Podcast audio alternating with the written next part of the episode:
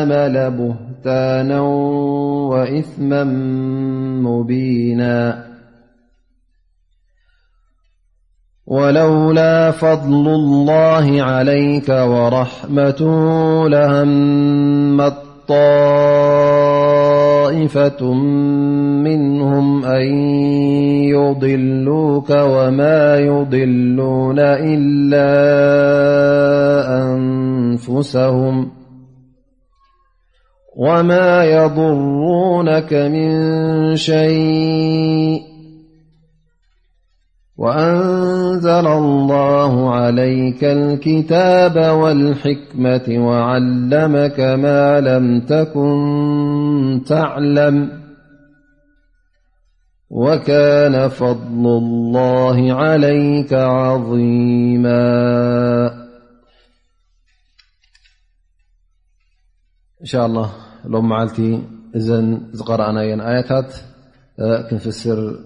إناء الله سبحانه وتعالى وندف حجز كلوه لنا دعا نجبر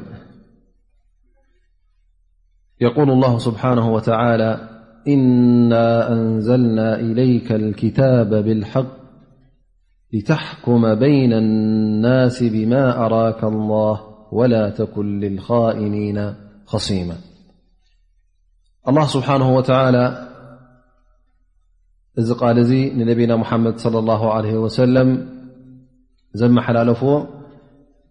ብዝያዳ ድማ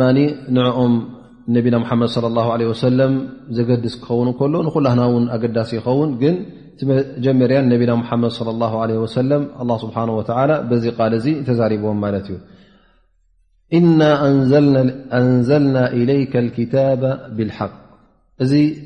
ኣውሪድናልካ ዘለና ክታብ ያ ሙሓመድ እዚ ሂብናካ ዘለና መፅሓፍ ኩሉ ትሕዝትኡ ሓቂ እዩ ብሓቂ እውን ካባና እዩ ወሪዱ ስለዚ እቲ ኣብኡ ዘሎ ትእዛዝ ይኹን እቲ ኣብኡ ዘሎ መጠንቀቕታ ይኹን እቲ ኣብኡ ዘሎ ወረ ናይዞም ዝሓለፉ ታሪክ ይኹን ኩሉ ቁርን ጠቕሊልዎ ዘሎ ኩሉ ሓቂ እዩ ማለት እዩ እና ኣንዘልና ኢለይከ ክታባ ብልሓቅ ትሕዝትኡ ሓቂ እቲ ዘውረዶ በዓል ሓቂ እቲ ኣወራርድኡ ናባኻ ምውራዱ እውን ካብ ኣላ ስብሓን ወተላ ምዃኑ ሓቂ እዩ ስለዚ ነዚ ሓቂ ሒዝካ ቀጥ እንተ ኢልካ ምንም ትፈርሆ ነገር የብልካን ነዚ ሓቂ ሒዝካ ድማ ነቶም ተኸተልትኻ ነቶም ሰዓብትኻ ብኡ ጌርካ ክትፈርዶምን ብኡ ጌርካ ክትመርሖምን ብኡ ጌርካ ክተብርሃሎምን ብኡ ጌርካ እተ ኣብ መንጎኦም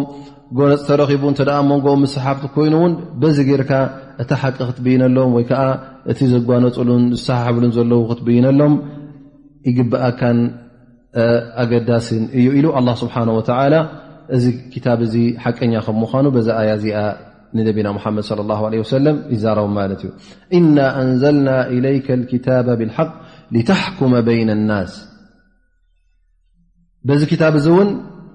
ኢኻ ነቲ ሰዓብትኻ ነቲ ወዲ ሰብ እትፈርዶ ማለት እንተ ምስሕሓብ ተረኺቡ እንተ ክትፈርዶም ናባኻ መፅኦም እተ መጎተ ተረኺቡ ዚ ኣብዚ ክታብ ዘሎ በዚ ሓቂ ጌርካ ብኡ ጌርካ ፍረዶም ኢኻ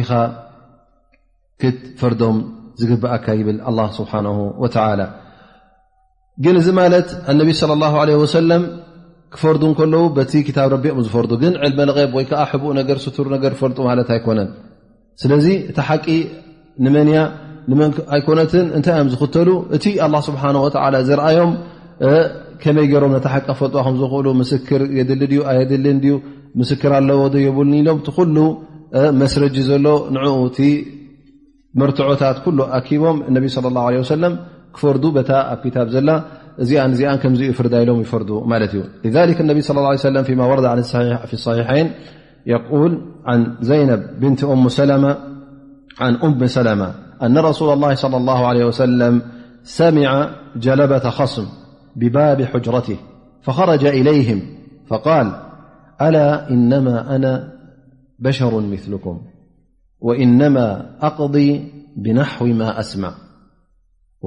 أقضي بنحو مما أسمع ولعل أحدكم أن يكون ألحن بحجته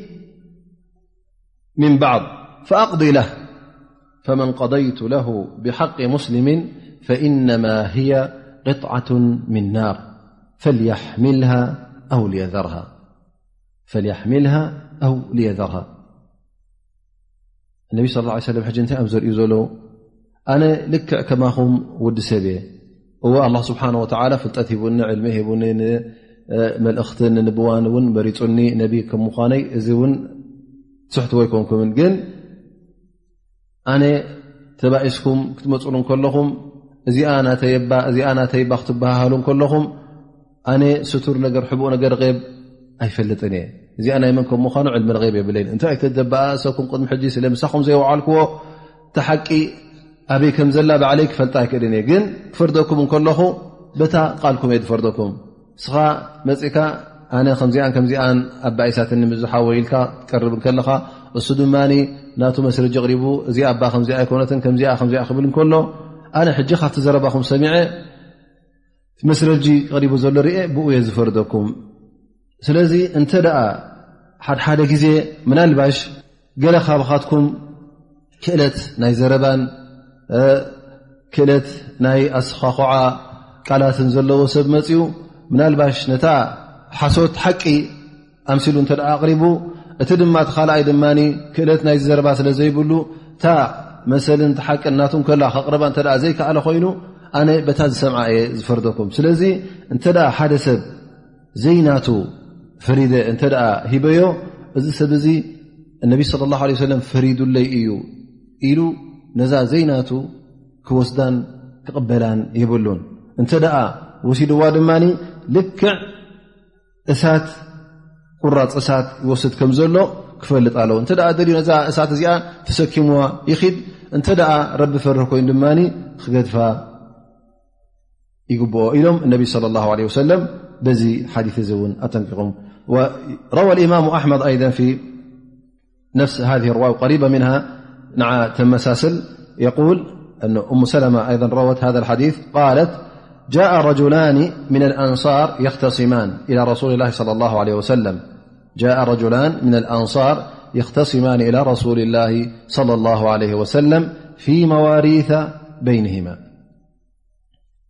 مواريث بينهما قد درست ليس عندهما بينا فقال رسول الله - صلى الله عليه وسلم - إنكم تختصمون إلي وإنما أنا بشر ولعل بعضكم ألحن بحجته من بعض وإنما أقضي بينكم على نحو مما أسمع فمن قضيت له من حق أخيه شيئا فلا يأخذ فإنما أقطع له قطعة من النار يأتي بها إسطاما في عنقه يوم القيامة فبكى الرجلان وقال كل منهما حقي لأخي فقال رسول الله -صلى الله عليه وسلم أما إذ قلتما فاذهبا فاقتسما ثم توخي الحق ث ስተه ث حልል ኩل ዋድ ንኩ صባة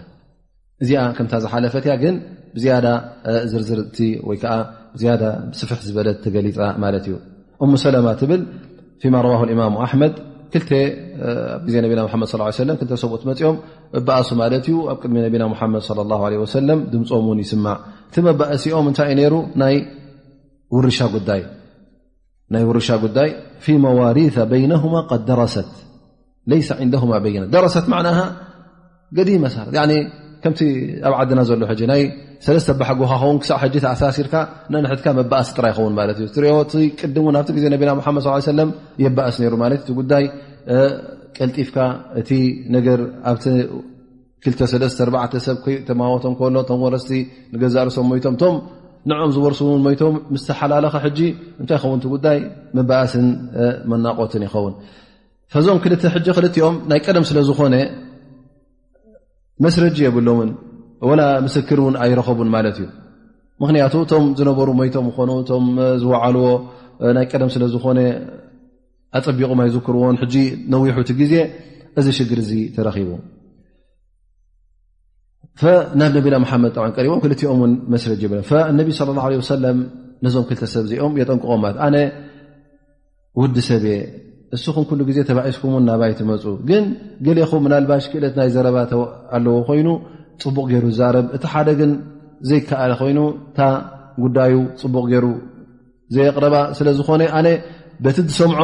ኣነ ከምዝለኒ ከምዝለኒ እዚ መስረጂ ኢ ክዛረብ ከሎ ላስ እ ዝዛረብ ዘሎ ቃሉ እዩ ዝስማዕ እቲ ግን መስረጂ ኣለኒ በለ ገለ በለ መካትዕ ይክእል ገለ ሕጂ እንታይ ይኸውን ማለት እዩ ሓንቲ የቕረበን ሕጂ እቲ መስረጃ ኣቕሪቡ ዘሎ ስዩ ቀዳምነት ብምኽንያቱ ክፍረድ እንተደኣ ኮይኑ በቲ ቀሪቡ ዘሎ መስረጀትታት ኢኻ ትፈርድ እዚ ግን ክፍረዶ ከሎ ሓላል ኮይንዎ ማለት ኣይኮነን ታናቱን ዘይናቱን ክፈልጣ ኣለዎ ዘይናቱ እተ ኮይና ወላ ብመንግስቲ ትዋሃቦ ወላ ውን ብነቢይ ትዋሃቦ ወላ ውን ፍትው ሰብ ትወሃቦ ወላ እውን ብዝኾነ ይኹን መንገዲ እንተ መፅያቶ እዛ ገንዘብ እዚኣ ዘይናቶ እተ ኮይና እተ ፈልጥ ኣሎ ኮይኑ ኣነስ መንግስቲ ኣፍቂዳትለያ ኣነ እንታይ ገድሹኒ ባዕሎም እታ መንግስቲ ዘንቢ ትሰከሙ ዝበሃል የለን ማዳ እዛ ነገር እዚኣ ዘይናትካ ብዘይከውን መንገዲ ከምመፀትካ እተ ትፈልጥ ኮይንካ ፈፂምካ ክትቀርባ የብልካን ነቢ صለ ላه ለ ሰለም ይብሉ እንተ ሓደ ሰብ ከምዚኣ ኮይና ክቐርባ የብሉን እነማ ኣቕጣዑ ለ ቅጣዓተ ምን ናር ልክዕ እንታይ ቁራፅ እሳት እየ ዝቆርፀሉ ዘለኹ ሞኒ እዛ ቁራፅ እሳት ተደኣ ደልዩ ዮም ቅያማ ኣብ ክሳዱ ልክዕ ከም መጉሃር ሓዊ ትመስል ሓፂን ኣብ ዝባኑ ተሰኪምዋ ክመፅእ እዩ እሞ እዚኣ ሕሸኒ ዝበለስ እዛ ጉዳይ ከምዚኣ ኢሎም ነቢ ለ ላ ለ ሰለም እዛ ንእሽተይ መውዒዛ እዛ ንእሽተይ መጠንቀቕታ ነዞም ክልተ ሰብ ምስ ኣዘኻኸርዎም ፈበከ ረጁላን ክልቲኦም ክበኽዩ ተረኺቦም ማለት እዩ ክልቲኦም ድማ ሓቂ ኢለ ኣኸ ኣነስ እቲ ናተይ ዝነበረ ሊላ ኢለ ነዚ ሓወይ ገዲፈሉ ኢሎም ክልቲኦም ተዛሪቦም ፈነቢ ለ ላ ለ ሰለም እዚ ካብ በልኩም ክልኹም ክልኹም ድማ ክሳዕ ክንዚ እንተ ሕጂ ስምምዕ ኣለኩም ኮይኑ ነንሕትኩም ተፋትኹም ክልኹም ከትኩም እታ ዘላ ተማቐልዋ ክትማቐልዋ ከልኹም ድማ እታ ሓቂ ናብኣ ንክትበፅሑ ተቓለሱ ثመ ተወኸየ ሓቅ ኣይነት እታ ሓቂ ምዃና እታ ዝቐረበት ናብ ሓቂ ኢልኩም ትብልዋ ንዓ ኣግበሩ ثመ እስተሂማ ድሕሪ ድማ ዕጫ ተዋደቑ ቲኣን እቲኣን ብዕጫ ጌርኩም ትጨርሽዋ ብዕጫ ተጨሪሳ ውን ጥራይ ኣይኮነን ነነትሕትኩም ውን ክልትኹም ኣነ እንተ ካባይ ካባኻ ዝወሰድክዎ እተ ገለ ሎ ኮይኑስ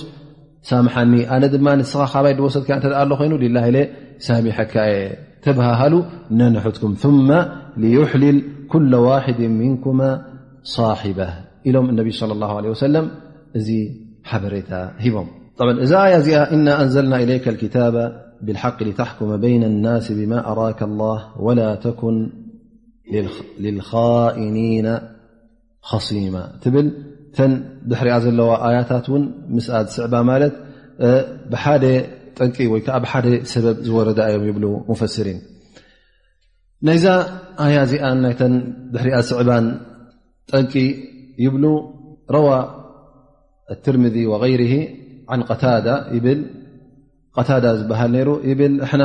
ቀደም ኣብቲ ግዜና ኣብቲ ግዜ ረሱል ከሎ ኣብ መዲና ከለና እቲ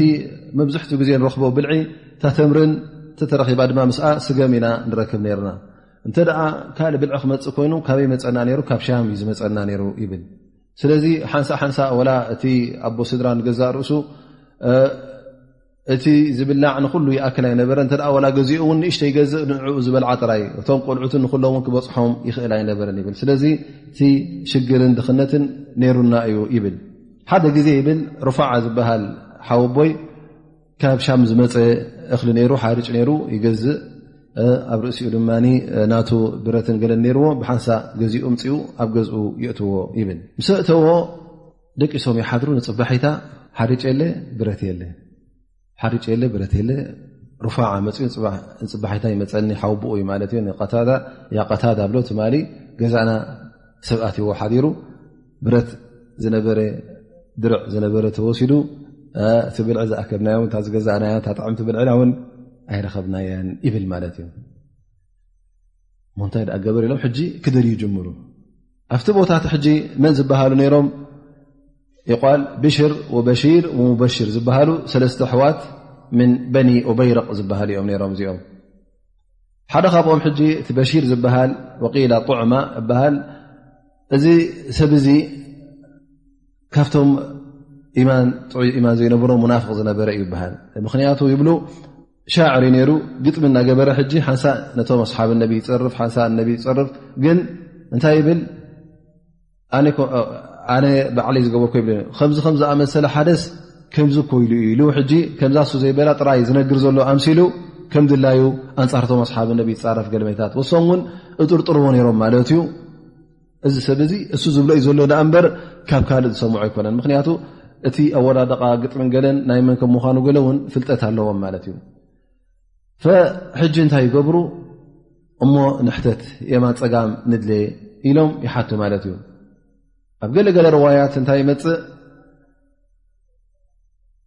እቲ ዝወሰዱ ሓርጭ ምስቲ ዝወሰዶ ብረት ጥብጥብ እናበለ ስለ ዝኸደ ብኣ ገሮም ኣበይ ከም ዝበፅሐት እታ ሓርጭ በየን ከምዝኣተወት ኣበይ ከም ዝኣተወት ፈሊጦማ ሕጂ ከምኡ ውን ሓቲቶም ደቂ ኡበይረቕ በዛ ሓሊፎም በኒ ኡበይረቕ በዚ ተራእዮም ነሮም ተባሂሎም ኣብቲ ጎረባብቲ እውን ነጊሮሞም ማለት እዩ ምናልባሽ እሶም ገርሞ ትማል እውን እንድዕላ ኣንበረ ገዝኦም ሓዊ ተቓፂላ ኣይትፈልጥ እያ ትማሊ ሓዊ ወሊዖም ገለ ዝሰርሑ ነሮም ሞ ካብቲ ብልዕኹም ገለ ንዕኡ ጠብኹ ነሮም ማለት እዩ ንዕኡ ዝሰርሑ ዝነብሩ ዝብል ከምዚ ወረ ይሰምዑ ማለት እዩ ከምዚ ወረ ምስ ሰምዑ ይመፅዎም ማለት እዩ ይሓትዎም ከምዚ ከም ዝኣመሰለ ወሲትኩምልና ዩ ክብሉ ንሕና ኣይ ኣይወሰድናን ኢሎም ፉስታ ካብታ ነፍሶም ክርሕቑ ሕጂ መጀመርያ ገለ ዕለማ ኣብሉ ናብ ሓደ ሓደ ሙእሚን ሓደ ሳልሕ ዝኾነ ናብኡ ኣልጊቦማ ግን እዚ እዛ ቃል እዚኣ ምስ ሰምዐ ናብ ወይ መፅኡ ሴፉ ሓሪጡ መፅኡ ኣነ ሰራቂ ክትብሉኒ እዛ ሰርቂ እዚኣ ብጀካ ከም ዝገብራ የላን ሓደና ሎም መዓልቲ ንዑ ኢሉ ናይ ብሓቂ ምስ ተዛረቦም ንሕና ከዝበልና የብልና ንስኻ ኣይሰረቕካ ኣይሰራረቕካ ኢሎም ሕጂ ንዕኡ ይርሕቕዎ ማለት እዩ ግን እንታይ ይገብሩ እታ ትሁማ እታ ጥርጠራ ናብኦም ትቐርብ ምስ ረኣይዋ ይብሉ ሕጂ እታ ብረት ሓቢኦም ናበይ ይወስድዋ ናብ ሓደ የሁዲ ይሓብእዋ ከምዚ ተረኪቡ ከሎ ኣይወሰድና ናይበልና እናበሉ እቲኦም ድማ ላስ ቀታ ሕጂ ምስ ሩፋዓ ነይሩ ታ እቲ ዝሓሸ ናብ ነቢና ሓመድ ስ ዝቀረበ ስለዝኾነ እቲ ዋና እክልን ዋና ብረትን ድማ ሩፋዓ እዩ ነይሩ ፈይብል ርፋዓ ያ ብነ ይብሎ እንታ ወዲ ሓወይ ኪድ ንረሱል ላ ስ ሰለም ንገሮ ሞ ኣጓኒፉና ዘሎ ሽግር እንታይ ከም ምዃኑ ንገሮ ሞ እዛ እንተ ሓመቐስ ትእኽሊ ትብልዕንሲ ተወዲኡ እኳ ኸውን ሕጂ ግን ቁርብተን ብረትና ከማን ይመለሳና ይብል ማለት እዩ ፈቀታዳ ናብ ነቢና ሓመድ ለ ላ ለ ሰለም መፅኡ እታ ጉዳይ ከምዝን ከምዝን ንሕና ድማ እቲ ዝመፀና ወረ እዞም ደቂ ኡበይርቕ ዝበሃሉ በኒ ኡበይርቕ እሶም ከም ዝወሰድዋ ሓቲትና ሓታቲትና እታ ጥርጠራ ናብኦም እያ ዘላ ኢሉ ይቐርብ ማለት እዩ ከምዚ ምስ ተሰምዐ ኩሉ ሰብ ዝሰምዖ ማለት እዩ ነቢ ስ ሰለም ሓንሳ ፅንሑ ኢሎ መልሶም ማለት እዩ በኒ ኡበይርቕታ ጉዳይ ምስ ረኣይዋ ሕጂ እታ ጥርጠራ ኩሎ ናብኦም እታ ትህማ ትመፅእ ምስ ረኣይዋ ኸላስ ክንፍልሕ ክንፈዳሕ ኢና ገብል ዝብል ሓሳብ ገይሮም እንታይ ገብሩ ንዕኦም ድማ ኣዝማዶም ገለመሊኦም ኣኻኺቦም ሓደ ወፍድ ወይ ከዓ ከምዚ ካብቶም ዓበይቲ እታ ቀቢላ ኣውፅኦም ናብ ነቢና ሓመድ ለ ላ ለ ወሰለም ኪዶ እብልዎም ሶማ እንታይ ገይሮም ሕጂ ጠብ ነጊሮሞ እዮም ንሕና ተፋሊጦም እታ ብረት ኣበይ ከም ዘላ ነጊሮሞም እዮም ማለት እዩ መፂኦም እብሉ ያ ረሱላ ላ እዞም ሰባት እዚኦም ብቐታዳን ሓወቦኡንሲ ብዘይከውን ነዞም ሙእምኒን ነዞም ኣህሊ ሰላሕ ነዞም ኣንሳር ነዞም ፈተውቲ ረቢዝ ከምዚ ከምዚ ገይሮም ክጥርጥርዎም ረቢ ዘይፈትዎ ነገር ገይሮም ሽሞም ኣክፊኦም እታ ሕና ሕጂ ሓታቲትና ሓታቲትና እውን እታ ነገር እታ ብረት ኣበይ መን ከም ዝሰረቃ ምስ መን ከም ዘላን ንፈልጣ ኢና እሞ ምስ ከምዚ ከም ዝኣመሰለ እያ ዘላ ኢሎም ይዛረቡ ማለት እዩ ከምኡ ምስ በሉ ነቢ ስ ሰለ ተፈትሻ ማለት ነገር ምስ መን ተረኪባ ምስ የሁዲ ተረኪባ ማለት እዩ ምስ የሁዲ ምስ ተረከበት ንሱ ድማ ኣነ እዚኣ እዚኦም እዮም ሂቦምኒ ኢሉ ወይ ከዓ ሓቢኦማ ሮም መሰ ፊ ርዋያት እክትላፍ ኣሎ ማለት እዩ መቸም ምስ የሁዲ ተረኪባ ማለት እዩ ፈነቢ ለ ላ ለ ሰለም እዚ ምስ ረኣየ በቲ ዝረኣየ እ ሕጂ ምስኦም ኣይነበረን ክሓብእዋን ከብፅሕዋን ዝክሉ ኣይነገርዎን ማለት እዩ ነቢ صለ ላ ለ ወሰለም እንታይ ሓቲቶሞ ሕጂቶም በኒ በይርቕ ያ ረሱላ ላ ርኢኻ ሕጂ ብዙልሚ ኢና ተዋሪድና ነርና እሞ ሕጂ ኣብ ቅድሚ ሰብ እዚ ኣካፊኦምና ዘለውስ ንዓ መስክረልና ንሕና ጌጋ ከም ዘይገበርና ንፁሃት ከም ምኳና ፅሩያት ከም ምኳና ኢሎም ይቐርቡ ማለት እዩ ፈነቢ ለ ላ ለ ወሰለም ይብሉ እዚ ምስ ተረኸበ መጀመርያ ንመን ይፅውዕ ንቐታዳ ይፅውዖ ያ ቐታዳ ይብሎ እስኻስ ከመይ ጌርካ ነዞም ንፁሓት ሰብ ነዞም ሳልሒን ነዞም ኣህል መዲና እዞም ኣንሳሪስ እዞም ብፆተይ ከመይ ጌርካ እዚ ከምዝኣመሰለ ጥርጠራ ትጥርጥሮም ዘይገበርዎ ነገር እናህልካ ሕጂ እውን እታ ነገር ኣበይ ከም ዘላ ከመይ ከም ዝኾና ኩላ ነጊሮምን እሞ እዚ ገበር ካዮስ ጌጋ እዩ ኢሎም ነቢ ስ ሰለም ንቐታዳ ይዛረብዎ ቐታዳ ይብል እዚ ዘረባ እዚ ምስ ሰማዕኩ ካብ ነቢ ለ ላ ሰለም ኢሎም ያሬት ኩሉ ማለይን ንብረተይን ጠፊኡ ነይሩ ኸውን እዛ ዘረባ ተዘይሰምዓ መሓሸኒ ነይሩ ምክንያቱ ሕጂ ዓብ ጌጋ ከምዝወደቐ ኮይኑ ከምኡ እናበለ ሃም ሒዝዎ እናተመለሰ ከሎ ሓውቦኦ ይረኽቦ ማለት እዩ እንታይ ጌርካ እንሻ ላ ተፈርጃ ይብሎ ወላ ከምዝ ከምዝ ከምዝ ኮይኑ ነቢ ስ ሰላም ከምዚ ረ እዚኣ ምስ ሰምዐ ሩፋዓ ይብል ኣላ ሙስተዓን ኢሉ ስቕ ብል ማለት እዩ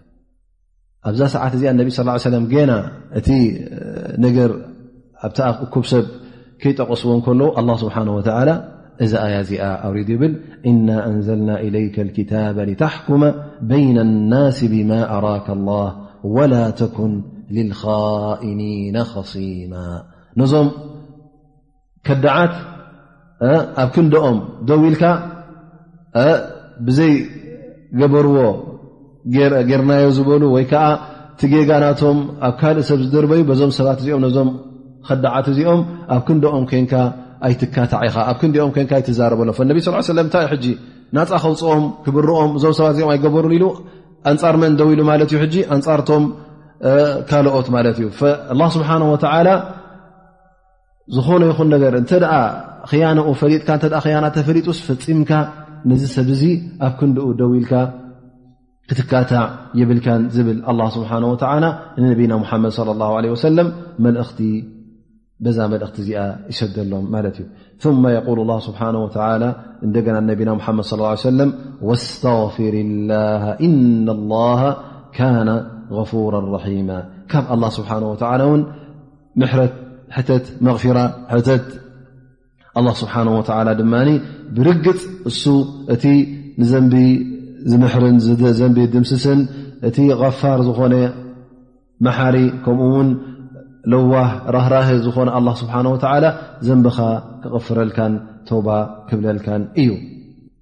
ላه ስብሓን ወተላ መጀመርያ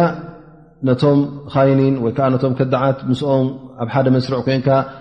ክትካትዓሎምን ክትዛረበሎምን ከምዘይብልካ ኣላ ስብሓን ወተላ እዚ ጠቂሱ ኣብ ርእሲኡ ድማ እንተ ዝኾነ ጌጋ ከምዝኣመሰለ ጌጋ ጌርካ ከንካ ውን ናብ ኣላ ስብሓን ወላ ተባ ክትሓትት ኣለካ እስትቕፋር ካብ ኣላ ስብሓን ወላ ክትሓትት ኣለካ ኣላ ስብሓን ወላ እውን በዓል መቕፊራ እዩ እንተ ብሓቂ ሓደ ሰብ ናብ ኣላ ስብሓን ወላ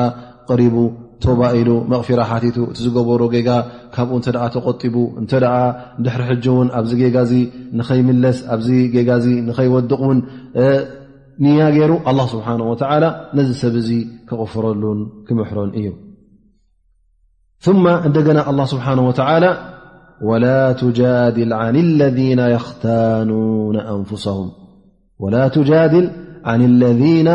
የኽታኑና ኣንፍሰሁም እዚ ነቶም ጠበቃ ዝሰርሑ እውን ዘርኢ ጉዳይ ይኸውን ማለት እዩ ሓደ ሓደ ግዜ ጠበቃ እንታይ ይገብር እናፈለጠ ከሎ ዝሰብ እዙ በደለኛ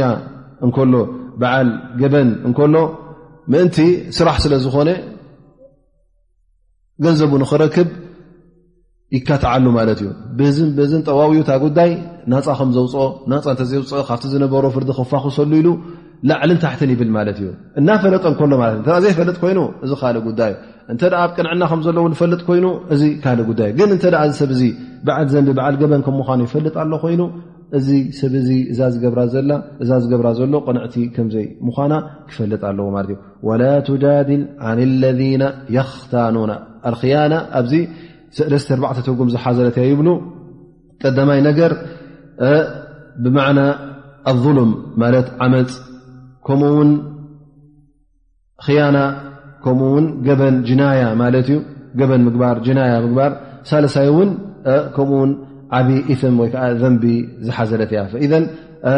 የኽታኑና ኣንፍሰም ነብሶም ዝዕምፁን ነብሶም ገበን ዝፍፅሙን ከምኡውን ዘንቢ ዝስከሙን ነዞም ሰባት እዚኦም ፈፂምካ ክትካትዓሎም የብልካ ስለዚ እዛ ኣያ እዚኣ ካብ ምንታይ ጠንቅቐና ኣላ ንዝኾነ ሰብ እንተ ደኣ ዘንቢ ዝገበረ ኣሎ ኮይኑ ነዚ በዓል ዘንቢ እዚ እሞ ምናልባሽ እንተ መቕፃዕቲ ሓድ ምን ሕዱድላ ኮይኑ ወይ ተዕዚር እተ ዝወረዶ ኮይኑ ነዚ ሰብ እዚ ክትካትዓሉ ኣይፍቀድን እዩ ካብቲ ዝነበሮ ዘንቢ ክተናግፎ ኢልካ ወይ ከዓ ናፃ ንኸተውፅ ይኹን ወይ ውን ካብቲ ዝወረዶ መቕፃዕቲ ካብኡ ናፃ ንኸተውፅ ኢልካ እተ ትቃለስ ኣለካ ኮን እተ ትካትዓ ኣለካ ኮንካ እዚ ጌጋ እዩ ነቢ ስ ላ ስብሓ ወላ ይኽልክለካ ኣሎ ማለት እዩ ስለዚ እቲ በዓል ዘንቡ ዘንበኛ እተ ኮይኑ እስትቕፋር ክሓትት ኣሎ ጌጋ ከምዝገበረ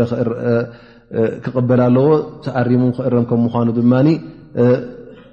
ክቕርብ ኣለዎ ዳኣ እምበር እስኻ እና እሱ በታ ዝበለካን እናፈለጥካ ከለኻ በዓል ዘንብን በዓል ገበንን በዓል ጌጋን ከሎ ነዚ ሰብ እዚ ኣብቲ ጌጋ ንክቕፅል እንደገና እስኻ መፅእካ ክደፋፍኦን ክት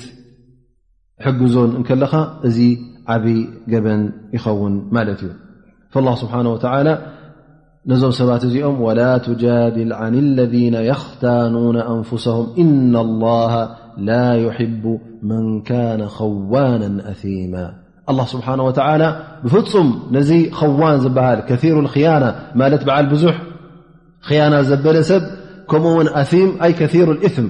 ብዙሕ ዘንቢ ዝኣከበ ነዚ ሰብ እዚ ኣላ ስብሓን ወተላ ፈፂሙ ኣይፈትዎን እዩ እንተ ኣ ዘይፈትዎ ኮይኑ ድማ እቁጣዓሉ ማለት እዩ ስብሓ ወላ ነዚ ሰብ እዚ ይፀልኦ እዩ ማለት እዩ ነዚ ፅሉእ ሰብ ነዚ ኣላ ስብሓን ወላ ዘይፈትዎ ከመይ ጌርካ ስኻ ኣብ ክንድኡ ጠበቓ ኮንካ ኣብ ክንድኡ ደው ኢልካ ነቲ ዝገበሮን ነቲ ዝገበሮ ገበንን ነቲ ዝወዓሎ እከይ ተግባርን ንዕኡ ክትፃዕዱን ንዕኡ ክተፀባብቕን ነዚ ሰብ እዚ ናፃ ንኸተውፅእ ትካታዓሉን ትራታዓሉን እዚ ሕጂ ዓብ ገበን ከም ምኳኑ ኣላ ስብሓን ወተላ ጠቂስዎ ኣሎ እና ላሃ ላ ዩሕቡ መን ካነ ኸዋና ኣፊማ እዚ በዓል ዓብ ክያና እዚ ብዙሕ ክያና ዝገብር ሰብ ኣላ ስብሓን ወተላ ፍፁም ኣይፈትዎን እዩ እዚ ክያና እዚ ብዙሕ ክኸውን ይኽእል እዩ ክያና ኣብ ኣማና ዝሃብካዮ ኣብ ምስጢር ዝሃብካዮ ኣብ ገንዘብ ዝሃብካዮ ኣብ ዝኾነ ይኹን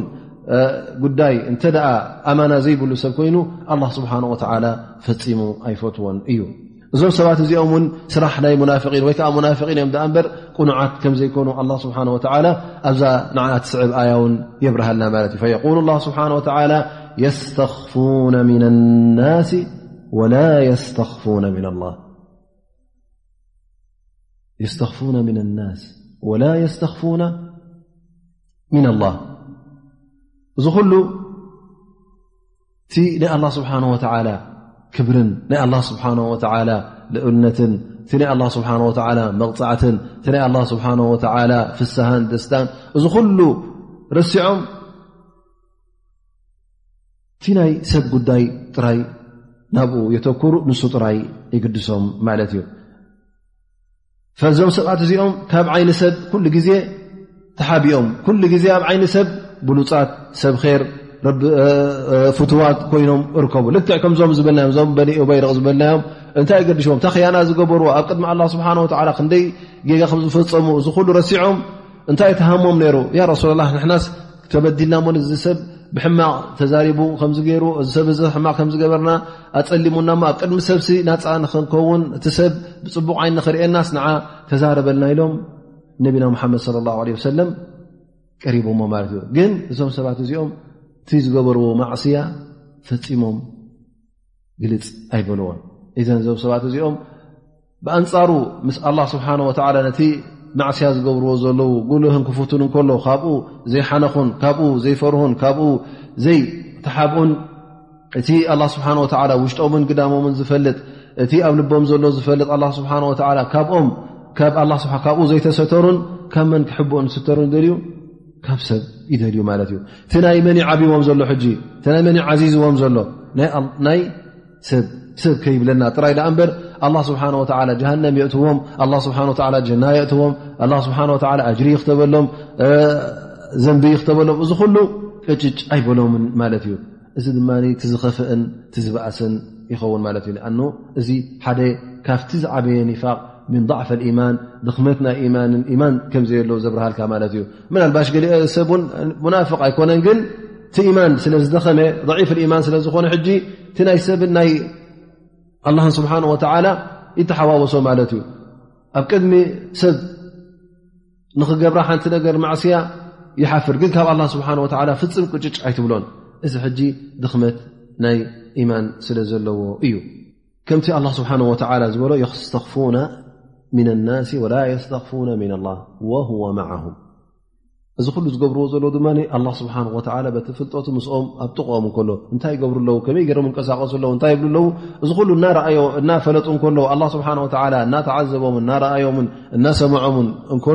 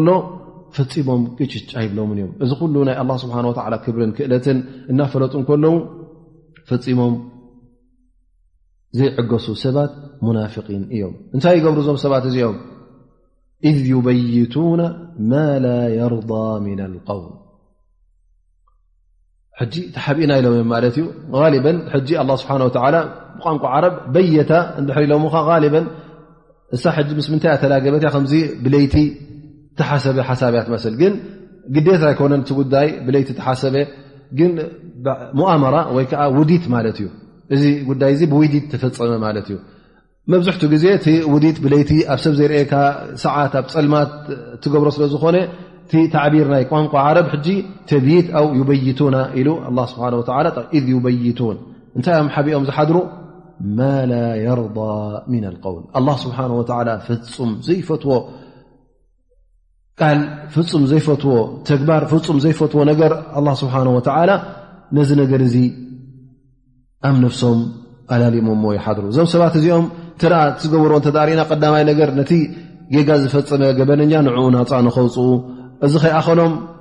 እቲ ገበን ኣብ መን ከም ዝወድቕ ገይሮሞ ኣብ ካልእ ከም ዝወድቕ ገይሮሞ ከምኡ ውን ነዚ ነገር ጥራይ ዘይኮነስ ነቢና ሙሓመድ صለ ላه ለ ሰለም ከይዶም ድማ እቲ ነገር እቲ ክሕግዞምን ነቲ ነገር እቲ ምስኦም ኮይኑ ክማጎተሎምን ናብ ነቢና ሓመድ ص ሰለም ከቕርብዎ ከለዉ ሕጂ እዚ ኩሉ ሓሲቦሞ ዝፀንሑ ኣላ ስብሓን ወላ ፍፁም ዘይፈትዎ ከም ምዃኑ ይበርሃልና ማለት እዩ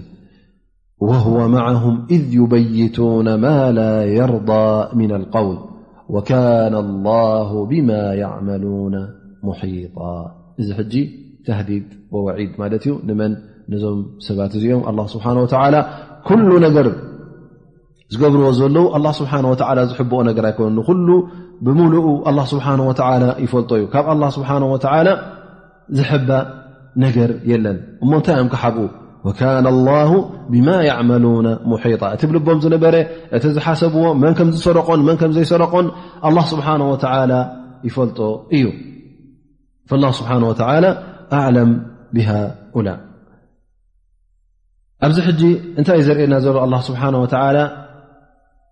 ሓደ ነገር ክትፍፅም ከለኻ ሓደ ነገር ክትገብር ከለኻ ኩሉ ግዜ ኣነፃፂርካ ክትሪኦ ከም ዘለካ ሙቃበላ ጌርካ ክትሪኦ ከም ዘለካ ምክንያቱ ሓደ ሰብ ምናልባሽ ናይ ኣዱንያ ረብሓ ዝረክብ መሲልዎ ገለ ካብቲ ትእዛዝ ኣላ ስብሓን ወተዓላ ይገድፍ ወይ ከዓ ኣላ ስብሓን ወተዓላ ዘጠንቀቆ ነገራት ኣይትግበር ዝበለ ንዕኡ ክገብር ይርከብ ሕጂ ብ ሰዓት እዚ ነዚ ነገር ዚ ክትገብር እተ ኮይንካ ነዚ ገበር ዚ ክትፍፅም እተ ኮይንካስ ነብስኻ ክትሓታ ኣለካ ማለት እዩ እሞ ኣነስ እዛ ዋጅብ እዚኣ እዛ ትእዛዝ እዚኣ ዝገድፋ ዘለኹስ ብትህኪት ዝገድፋ ዘሎ ማለት እዩ እንታይ ጥቕሚ ረኺበላ ኢልካ ትሓተላ ኣብዛ ኣዱንያ ትኹን እንታይ ኣታ ጥቕማ እዘን ናይ ሓሙሙሽ ደቂ ናይ ሓንቲ መዓልቲ ናይ ፍርቂ መዓልቲ ዕረፍቲ ድያ እሞ ፅባሕ ንግሆ ከ እንታይ ሓልፍኒ ኣሎ እንታይ ተርፍኒ ኣሎ ኢልካ ሕተት ማለት እዩ ከምኡ ውን እንተ ማዕስያ ትገብር ኣለካ ኮይንካ ነዚ ጌጋ እ ነዚ ሓራ እ ክትገብሮ ከለካ ውን ነብስኻ ሕተታ ኣላ ስብሓን ወተላ ኣነ እዛ ሕጂ ዝገብራ ዘለኹ ብዱንያ ናይ ስምዒት ናይ ሻህዋ ነገር ንግዜኡ ደስ ትብለኒላ ግን ምስቲ ፅባሕ ንግሆ ዘሎ ስቃይ ነዛ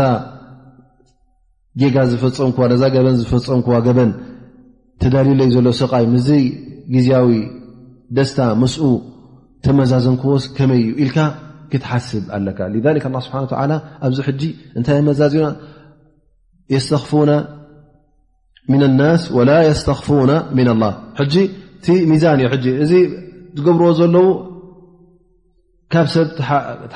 ይሕብኡ ግን ካብ ኣላ ስብሓን ወላ ይሕብኡን እሞ ኩሉ ነገራት ኣመዛዚንካ ክትከይድ ኣለካ ማለት እዩ እቲ ናይ ኣላ ነገርን ናይ ሰብ ነገርን ናይ ኣዱንያ ነገርን ናይ ኣራ ነገርን ነዚ ከተመዛዝን ከለኻ ሽዕኡ እንታይ እዩ ሽዑኡ እታ ብዓቅልኻ ውን ትጌጋ ኣበይ ከም ዘሎ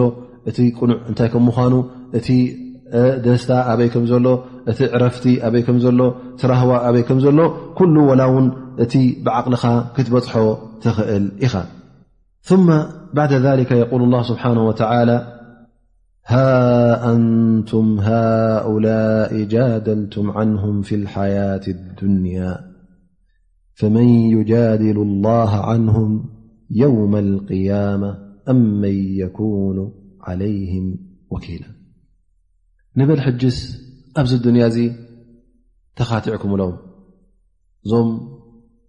ቀቢላኦም ኮይኖም ስድርኦም ኮይኖም ናይ ቤቶም ኮይኖም መፂኦም ነቢና ሙሓመድ ለ ላ ሰለም እዞም ኣሕዋትና ይኮኑ ገሮሞ ካልኦት ገሮሞ ዝበሉ ነዞም ሰባት እዚኦም ንከምኦም ዝኣመሰሉን ማለት እዩ እሞ ሕጅስ ንበል ኣብዛ ዱንያ ተኻትዕኩም ተኸታትዕኩም ሲ ንኣብነት እታ ጉዳይ ቀኒዓትልኩም ንበላ ምክንያቱ በቲ ዝረአ ዘሎ በቲ ትፈራዳይ ዝሪኦ ነቲ ኣብ ቅድሚኡ ዘሎ ዩ ዝርኢ መስረጂ ቀሪቡ ዘሎ ንዑታት እዩ ዝርኢ ኣ እምበር ትብልቢ ተሓቢኡ ዘሎ እቲ ብፀልማት ተገብረ ነገር ትፈራዳይ ክሪኦ ይክእልን እዩ ፈልነቁል እዚ ነገር እዚ ንበል ተረኪቡ በቲ ስኹም ተካታዕኩሞ እውን ቀኒዑ ኣብዛ ዱንያ እታ ጉዳይ ሰጥ ኢላትልኩም ግን ፅባሕ ንግሆ መን እዩ ዝካታዓልኩም ኣብ ቅድሚ ኣላ ስብሓን ወተላ ብዮም ኣልቅያማ ሃል ፅባሕ ንግሆ ዝካታዕ ኣሎ ከመይ ገይሩ እሞ ክካታዕ ባዕሉ ትገበኛኛ ትነፍሱን ትኣካላቱን ኢዱ ይኹን ኣግራዊ ይኹን ቆርቦቱ ይኹን መልሓሱ ተሓቲሙ ኣፉ ተሓቲሙ ኩላ ነናታ ክትዛረብ ከላ እሞ መን ዩ ሕጂ ኣብ ቅድሚ ኣላ ስብሓን ወላ ዝካታዕ መን ዩ ሕጂ እቲ ኣላ ስብሓን ወላ ሕቡእን ስቱርን ዝፈልጥ እንታይ ተገበረን ኣበይ ሰዓት ተገይሩ ከመይ ከተገይሩ እዚ ኩሉ ነገር ዝፈልጥ ኣላ ስብሓን ወላ ኣብ ቅድሚ ዩ መፅኻስ ከመይ ጌርካ ኢኻ ትካታዕ እሞ እዛ ናይ ኣዱንያ ምክታዕ ትጠቅም ትመስለኩም ዶ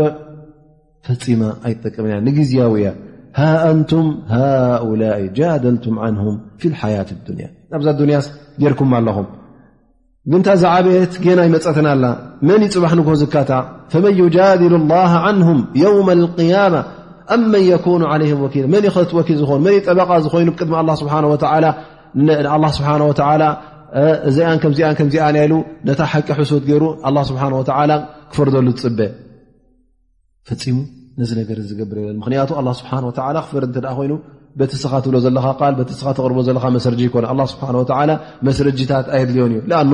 ኣብ ልብኻ እንታይ ሩ እታይ ትገብር ርካ መዓዝ ጌርካያ በነይቲ ደቂ ጌርካያ በነይቲ ሰዓት ጌርካያ ብቀትሪ ድዩ ብመዓልቲ ድዩ እንታይ ሩ ኒያኻ ክትገብራ ከለካ ታይ ተዘይወሰትካ ታይ ክኸውን ርዎ ኣ ስብሓ ወ እዚ ሉ ብኩሉ ይፈልጦ እዩ እሞ ፅባሕ ንጉስ ወኪል ኮይኑ ሓላፊ ኮይኑ ጠበቃ ኮይኑ ቀሪቡ ኣብ ቅድሚ ኣላ ስብሓን ወተላ ነታ ሓቂ ሓሶት ገይሩ ዘቕርባ የለን ንዓኣ እውን ብኣ ዝጥቀም የለን ኣብ ኣዱንያ ምናልባሽ እዛ ጉዳይ እዚኣ ንቲ ቃዲ ወይ ከዓ ነቲ ፈራዳይ ኣጠፋፊእኩም ብሓሶት ኣመስኪርካ ብላዕ ን ሃምፅኢካ ሓሳዊ መስካር ምፅኢካ ናልባሽ ገንዘብ ሂካ ን ን መስክር ኢልካ ውን ክተቕርቦ ትኽእል ኢካ ብዱንያ እዎ ርኤብል ዘይርኣየ ከሎ ምእንቲ ምንታይ ምእንቲ ገንዘብ ኣርባዕተ ሓሙሽተ ምፅኢካሉ መሰኻኽር ፈራዳይ እዚ ድማ ሓደ የምፅዕን መስኪናይ ገንዘብ የብሉ ኸውን ወላ ናይ ረሽዋ ወይከዓ ናይ ብላዕ ውን ዘይደሊ ኸውን በዓል ር ኸውን ንስኻ ሕጅ በት ዘምፃእካዮ መሰክክር ትሓርፋ ትኸውን ግን ፅባሕ ንግሆ ናይ ሓሶት ምስክር ከተቕርብ ኣብ ቅድሚ ኣላ ስብሓን ወላ ትኽእል ዶ እዞም ሰባት እዚኦም ከ ክክምስክሩ ዶ ይኽእሉ ሓስዮም ኣብ ቅድሚ ኣላ ስብሓን ወላ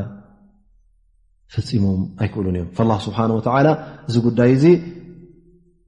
ኣብዚ ከም ዝኣመሰለ ጌጋ ንኸይንወድቕ ንኩላህና የጠንቅቕ ኣሎ ማለት እዩ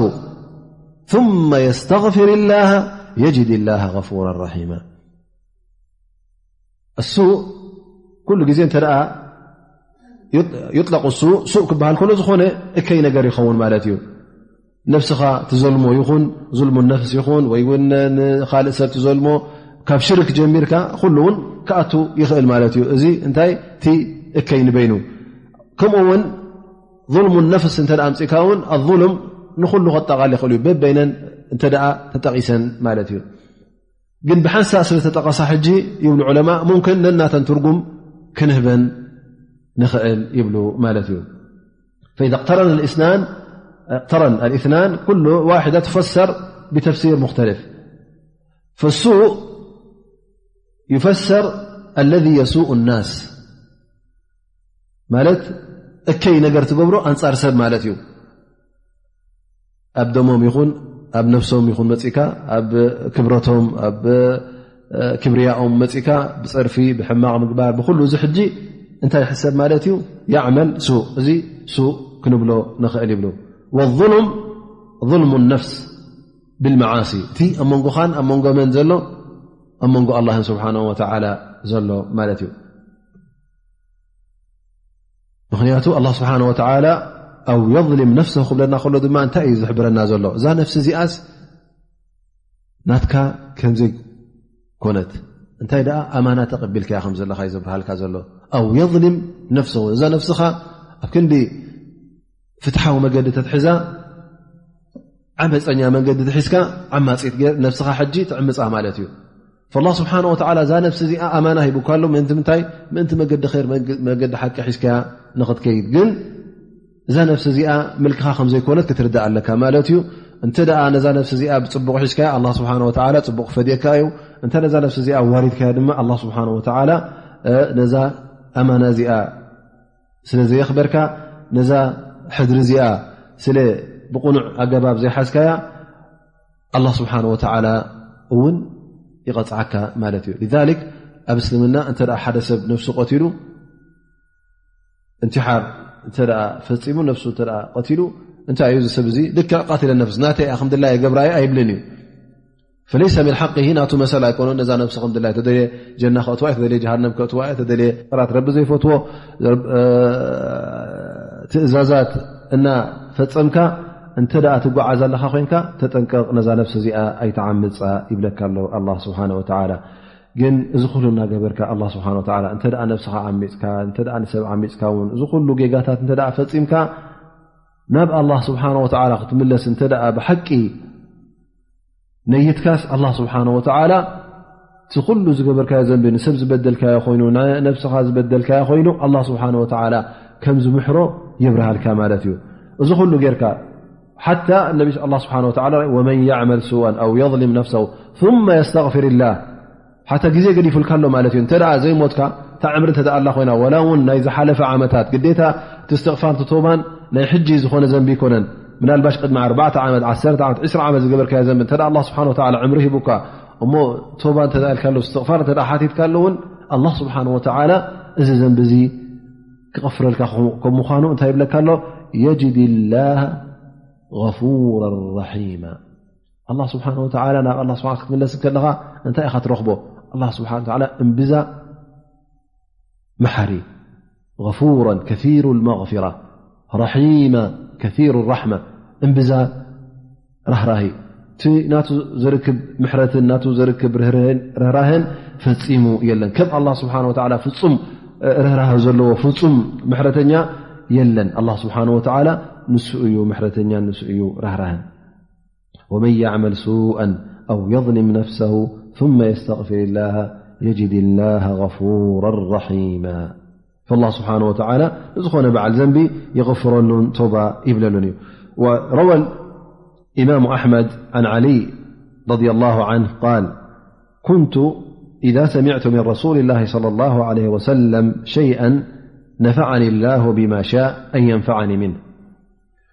وحدثني أبو بكر وصدق أبو بكر -قال قال رسول الله صلى الله عليه وسلم ما من مسلم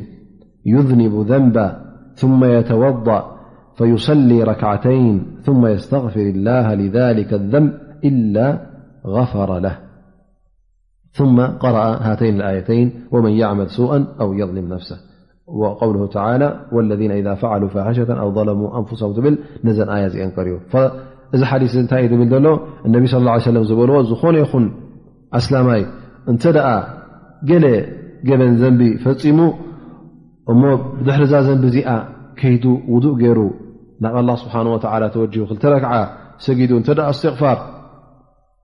ገይሩ መቕፊራ ምሕረት ካብ ኣላ ስብሓን ወተዓላ እንተ ደኣ ሓቲቱ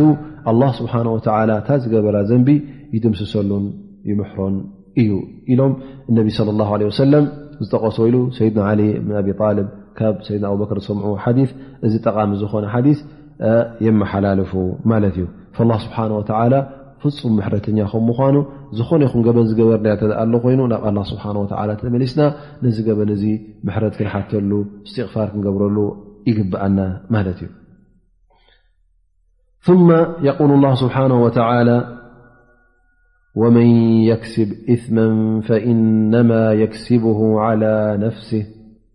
ወካነ ላሁ ዓሊመ ሓኪማ ዝኾነ ይኹን ሰብ እንተ ደኣ ሓንቲ ዘንቢ ፈፂሙ እዛ ዘንቢ እዚኣ ንመን እያ ንዑ እያ ናብ ካልእ ሰብ ኣይትሓልፍን እያ ኣይትምቀልን እያ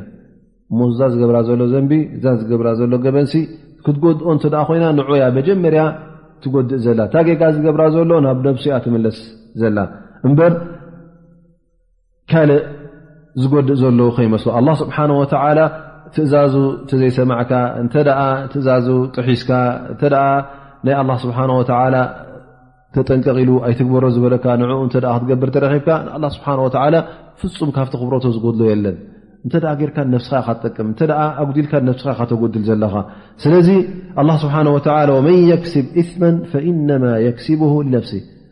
እተ ክድረብ ኮይኑ እዚ ነገር እዚ ዘንቢ እዚ ናብ ነብስኻ ኢኻ ትድረቦ ዘለኻ ኣብዚ ባንካ ኢኻ ትስከሞ ዘለኻ ካባኻ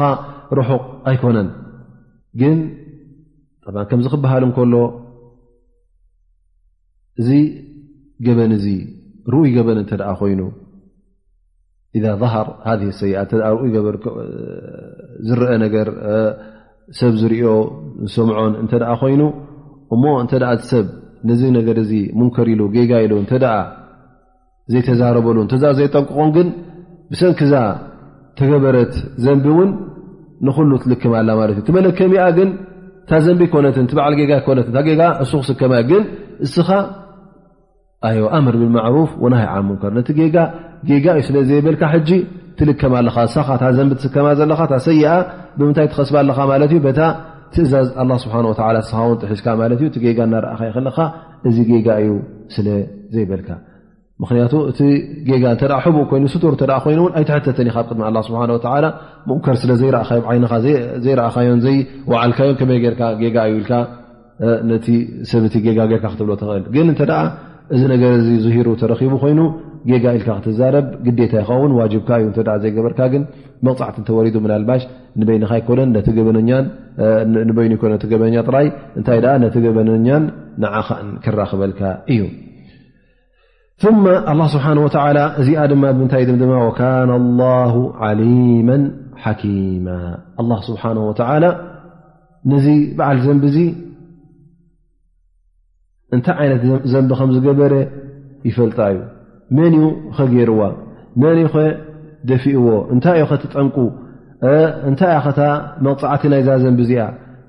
ከምኡ ውን እዚ ዘንቢ ዝገብር ሰብ ኣብ ምንታይ ኩነታት እዩ ነይሩ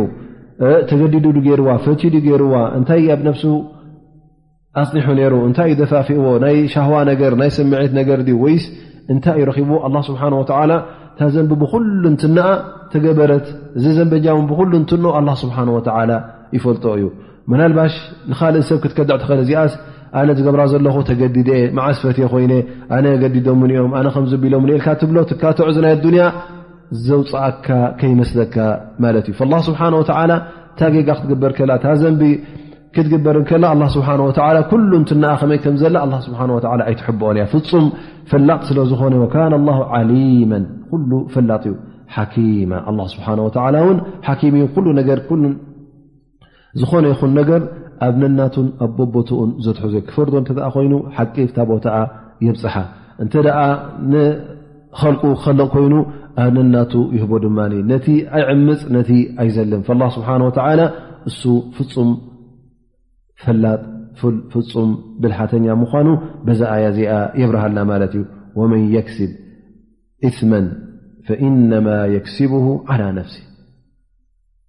ወካነ ላሁ ዓሊመ ሓኪመ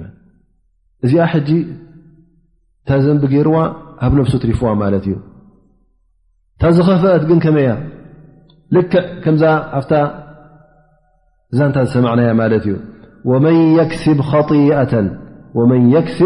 ኸጢኣተን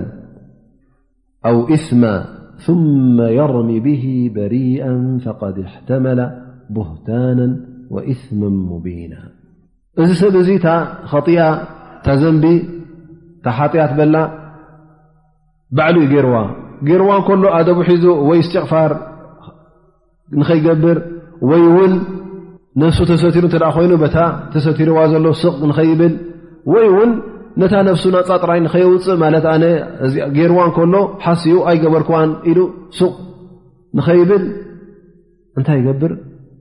ኣብ ርእሲ እዚ ኣብ ካልእ ሰብ የልግባ ማለት እዩ ነታ ነፍሱ ኣውፅኡ እንደገና ናብ መን ኸይድ ናብ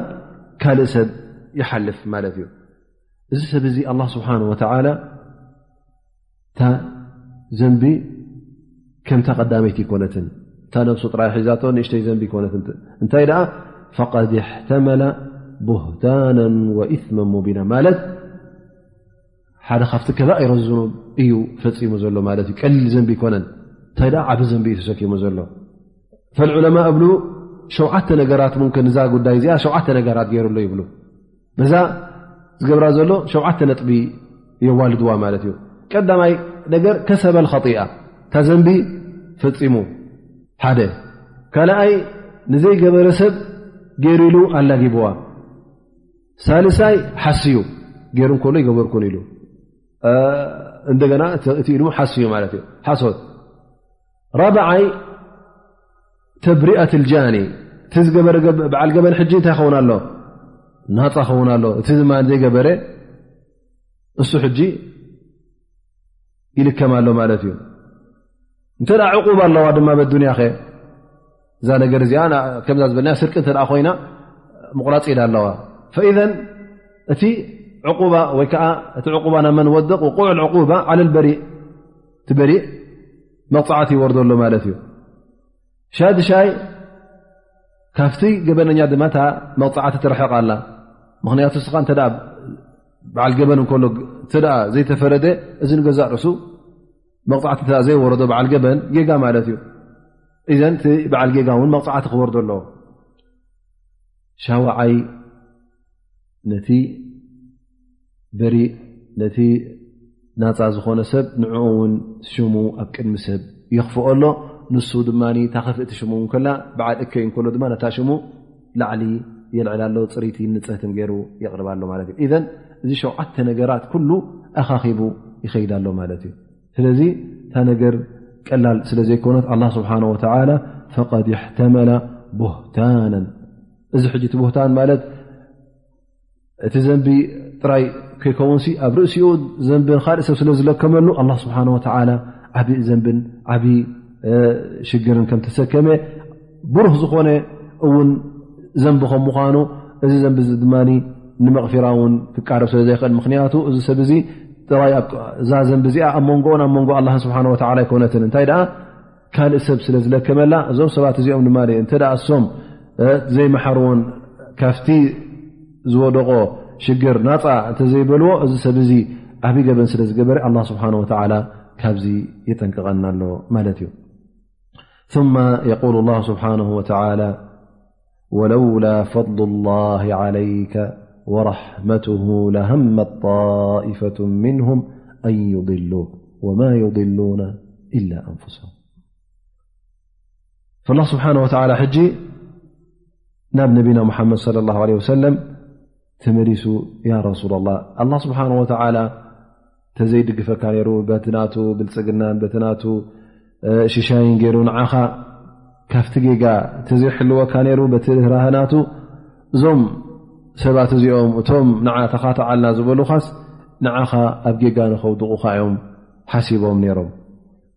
ለሃመ ጣኢፈቱ ምንም እሳ ሓንቲ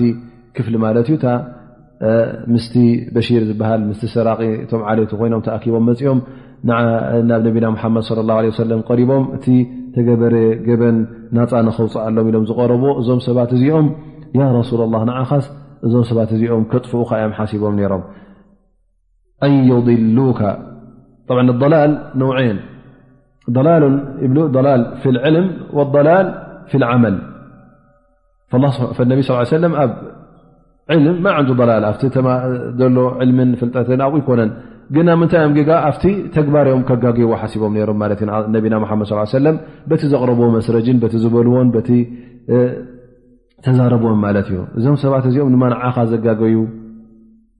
ኣይምሰሎም እንታይ ደኣ ነብሶም እዮም ዝጠፍኡ ዘለዉ ትዘንቢ ንሶም እዮም ክስከምዎ ንስኻ ወላ እውን በታ ዝረእኻ እተ ፈሪድካ በታ ዝረእኻ ክትፈረድ ዘለኻ ኣብ ልቦም ኣቲኻ ትፈልጦ ነገር የብልካን ስለዚ እዞም ሰባት እዚኦም ነብሶም እዮም ዘጥፍኡ ዘለዉ ነብሶም እዮም ዘዋርዱ ዘለዉ ነዛ ነብሶም ንሓዊ ጃሃንም የቀራርብዋ ኣለዉ ነብሶም እዮም ዘጥፍኡ ዘለዉ እምበር ንዓኻስ ፍፁም ኣይገድኡኻን ወማ የضሩነካ ምን ሸይ ፈፂሞም ንዓኻ ክጎድኡኻ ኣይክእሉን እዮም ነፍሶም እዮም ዝጎድኡ ዘለዉ ላ ስብሓን ወተላ ነቢና ሓመድ ለ ላ ለ ሰለም ሕልው ምዃኖም እቲ ዝግበር ጌጋ ውን ብሰንኩ በቲ ዝገበርዎቶም ኣስሓብ ነቢ ስ ሰለም ዝተገበረ ጌጋ ውን ንዕኦም ከም ዘይጎድኦም የብርሃሎ ማለት እዩ ኣላ ስብሓን ወላ ኢዘን እቲ ጥፍኣትን እቲ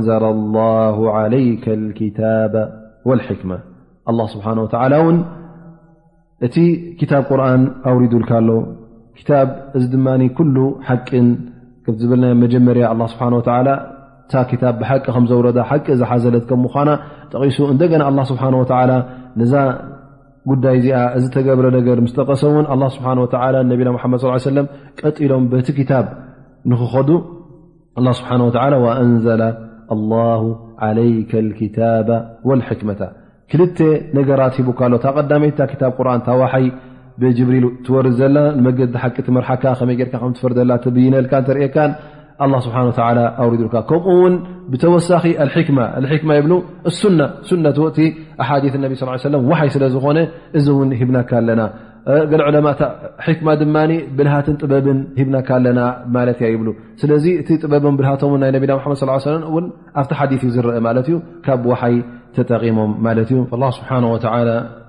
ነቢና ሓመድ ስ ሰለም ክታብን ሕክማ ሱናን ከም ዝሃቦም እዚ ክልተ ወሓይ ድማ ብኡ ከም ዝለገሰሎም ኣላ ስብሓን ወላ የብርሃልና ማለት እዩ የቁል ስብሓ ወላ ዓለመከ ማ ለም ተኩን ተዓለም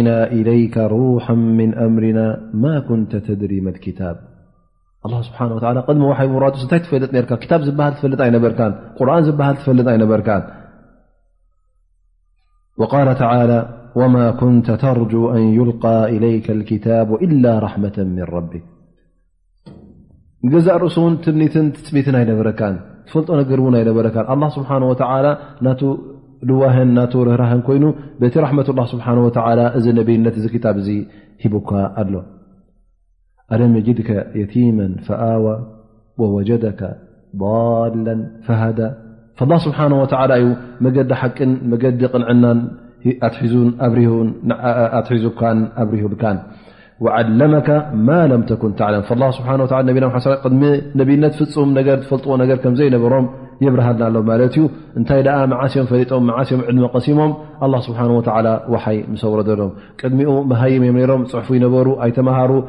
ኮፍ ኢሎም ተማሃርዎ ነገር የብሎም እዚ ድማ ሓደ ካብቲ ተኣምር ነቢና ሓመድ ስ ሰለም ተዋህቦ ካብቲ ሙዕጂዛት ናይ ነቢና ሓመድ ለ ላ ለ ወሰለም እዩ ፈፂሞም ኣርዓ ዓመት ዝፈልጥዎ ነገር ተምሃርዎ ነገር ዘየሎ ከሎ ድሕሪ ኣርዓ ዓመት ውሓይ ወሪዱ እዚ ውሓይ እዚ ነቢና ሓመድ ስ ሰለም እዚ ዘይበሃል ትምህርትን እዚ ዘይበሃል ፍልጠትን ብኣላ ስብሓን ወተላ ተዋሂቡ ከም ዝኣመሰለ ክታብ ቁርን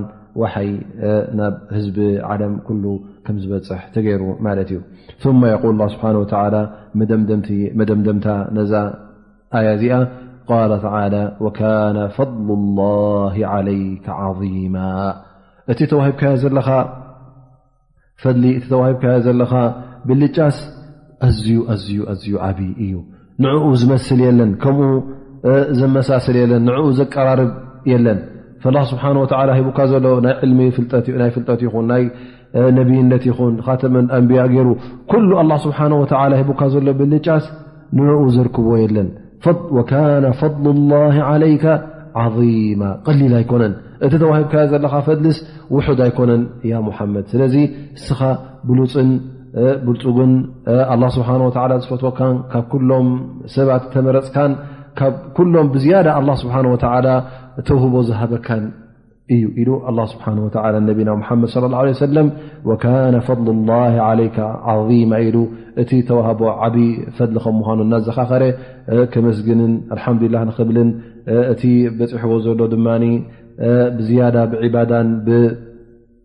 ተቕዋን ክሕልፎ ከመስግን እተ ኮይኑ ኣ ስብሓ ወላ እውን ናብ ኣላ ስብሓ ወ ክቐርብን ናብ ኣላ ስብሓ ወላ ብዝያዳ ክሰግድን ክፀውምን እቲ ኣላ ስብሓ ወላ ዝፈትዎ ነገራት ኩሉ ክገብር ከም ዘለዎ ይሕብረሉ ማለት እዩ ንሕና እውን እቲ ኣላ ስብሓ ወላ ቀሲሙልና ዘሎ ትምህርቲ ይኹን ሂቡና ዘሎ ጥዕና ሂቡና ዘሎ እስልምና እቲ ቐንዲ ነገር ኒዕማ ሽሻይ ኣላ ስብሓ ወላ ኣብዚ ዲን እዚ ኣብዚ እስልምና እዚ ኣብኡ ቀጥ ኣቢሉ ክሳዕ ንመውት ሒዙና ክቅፅል ከስምረልና ከሎ እዚ ተዓቢ ሽሻይ ተዓቢ ንዕማ ስለዝኾነ ነዚ ንዕማ እዚ እውን ንሕና ተገዲስና እናመስገናን ረብና እናሸከርና እናሓመድናን ንኣላ ስብሓን ወተላ ኣብ ኩሉ ግዜ ኣብ ዕባዳን ኣብ ሰላትና ይኹን ኣብ ስያምና ይኹን ኣብ ዚክርና ይኹን ንኣላ ስብሓን ወላ ካብ ኣፍና ከነውድቆ የብልናን እዚ ናይ ሎም መዓልቲ ደርስና በዚ ይድምደም